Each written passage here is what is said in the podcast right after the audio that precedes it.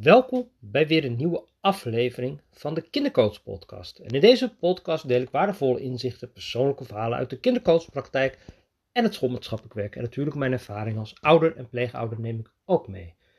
En vandaag heb ik een verhaal over een jongen die aangemeld werd met boos gedrag. En ja, dat boos gedrag was onder andere ook bij schermen. Als het uh, scherm uit moest, nou, dan kon hij echt heel boos worden. Maar ook met zijn broertje. Uh, ja, dan, dan waren ze aan het samenspelen en dan ging er ook maar iets mis. En dan doef, en dan, ja, dan werd het gewoon gedoe. En als je je dan als ouder daarin ging bemoeien, dan werd het nog erger. En wat er dan eigenlijk ook gebeurde, is dat je dan als ouder eigenlijk ook onderdeel van het conflict werd. En dan heb je nog gedoe met de ene en daarna eventueel ook nog met de andere. En je draait je eigenlijk daarna even om. En op een gegeven moment zijn ze weer samen aan het spelen. En dan ben jij eigenlijk degene ja, die helemaal onderdeel van het gedoe geworden is. En dat is natuurlijk niet een fijne situatie. En ja, wat hier ook wel meespeelt en waar we hier eigenlijk ook uh, wel achter kwamen, en de ouders hadden daar ook vragen over. Deze moeder vond het eigenlijk ook zelf ook heel erg moeilijk om uh, ja, eigenlijk echt gewoon goed en stevig te blijven staan. En dat hebben natuurlijk veel ouders. En wat hier een beetje gebeurt is dat ze ja, eigenlijk een beetje is gaan toegeven vanaf jong af aan. Jongs af aan is dat zo ingeslopen. En toen kwam de tweede er ook nog bij. En ja, en op een gegeven moment dan is het dus lastig om weer daar te gaan staan. En ja, dan krijg je tegengas, een tegenwoord. En dit jongetje is eigenlijk een beetje de baas. En dat is natuurlijk niet fijn. Een vader, ja, die, die uh, heeft een strenge manier en die vindt eigenlijk ook wel dat mama wat minder uh, toegefelijk zou moeten zijn en meer consequent moest, uh, kan zijn.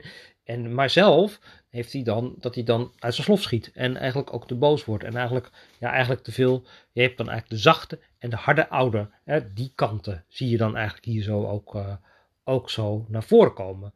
En ja, beide kanten zijn eigenlijk niet echt helpend. En um, ja, en dan escaleert het en dan wordt de boosheid groter en dan is iedereen boos. En dan kan de boosheid ook lang duren.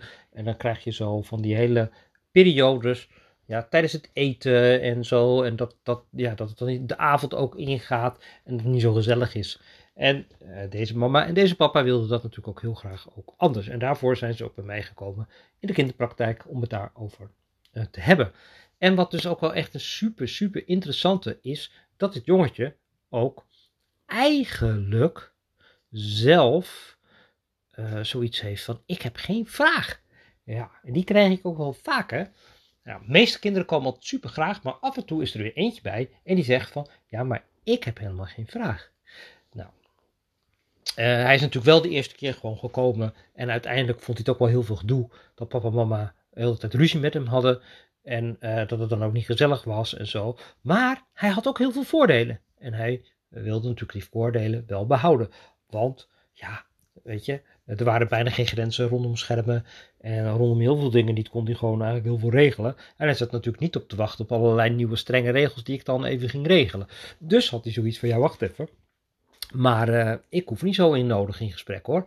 Uh, maar goed, dus ik heb afgesproken, nou laat hem maar komen.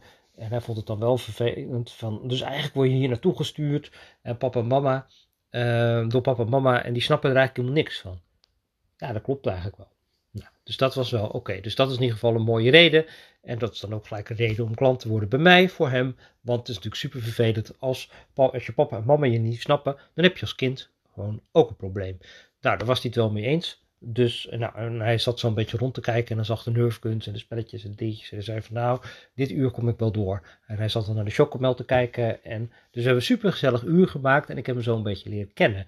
Ja, en gaandeweg merkte ik eigenlijk ook wel dat hij het ook heel moeilijk vond om grenzen aan te geven. Zeker in zijn broertje, in het samenspel en zo. Dan zag je hem eigenlijk niet, uh, ja, dat hij niet die handige woorden heeft om dan zo zijn broertje een beetje te sturen en te reguleren.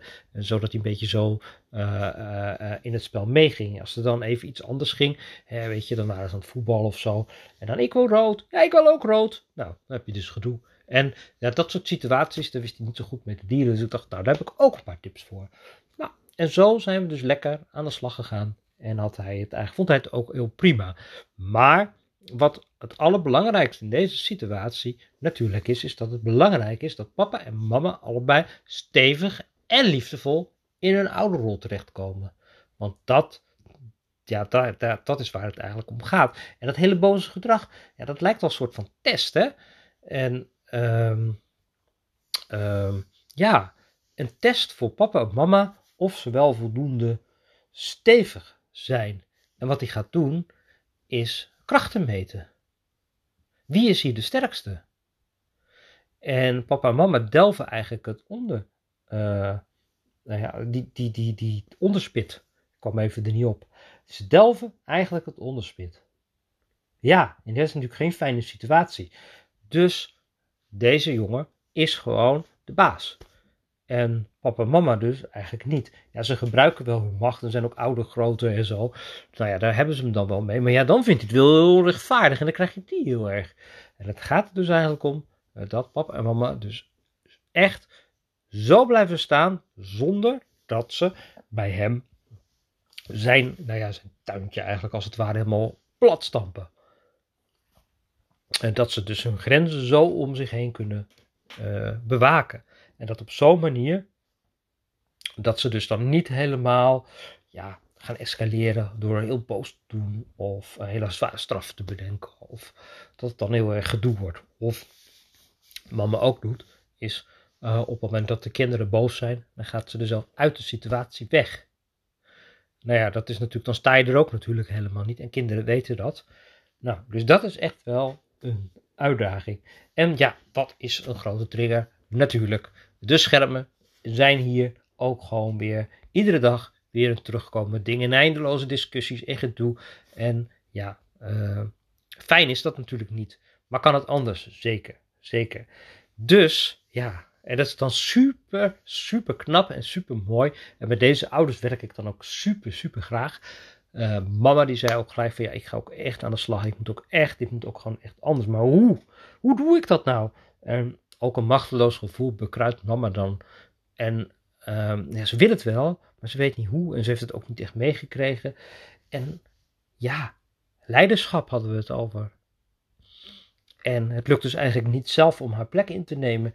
En ja, en, en, en wat dan ook dus bleek, is dat er dus ook allemaal uh, stukjes uit het verleden ook mee hebben gespeeld, waardoor het haar ook niet gelukt is. En haar man, ja, die, die, die, die neemt het dan over, die rol, zodat ze dat stuk ook niet hoeven doen. Nou, ongetwijfeld, uh, ja, dit is ook echt zo'n klassieke is dat ook zo, hè, dat, dat uh, partners elkaar ook gevonden en elkaar versterken.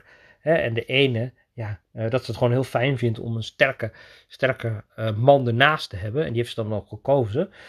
Zo kan ze zich in het dagelijks leven ook staande houden. En nu, nu houden de kinderen een spiegel voor. En in die spiegel, in die spiegel, ja, dan word je heel erg geconfronteerd met jezelf. En dat is ook wat opvoeden soms zo lastig maakt. Dat kinderen precies een spiegel voorhouden. En dat dat dan precies jouw zwakke plek is. Of een kans of een kans om zelf sterker te worden en te groeien. Hoe mooi is dat? En die kans, die grijpt deze moeder aan. En ze is deze week aan de slag gegaan. Super.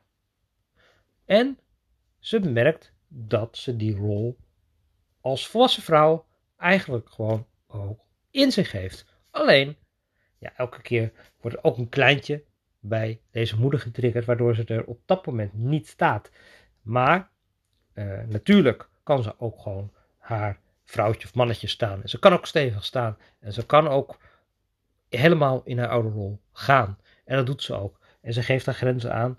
En ze heeft ermee geoefend. En het gaat nog niet altijd goed. En hoeft ook helemaal niet. Maar ze merkt verbetering. En weet je wat het mooie is? Dan zou je zeggen van, maar dat is dan vervelend voor de kinderen. Nee, want dit jongetje is blij dat er al veel minder ruzie is.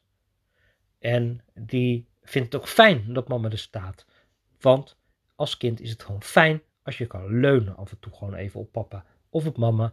En dat papa en mama er niet omvallen. Want dat is, daar heb je niks aan. Dan wordt het in één keer super, super onveilig. En ja, daar hebben we natuurlijk wel vaker in deze podcast ook over. Hè?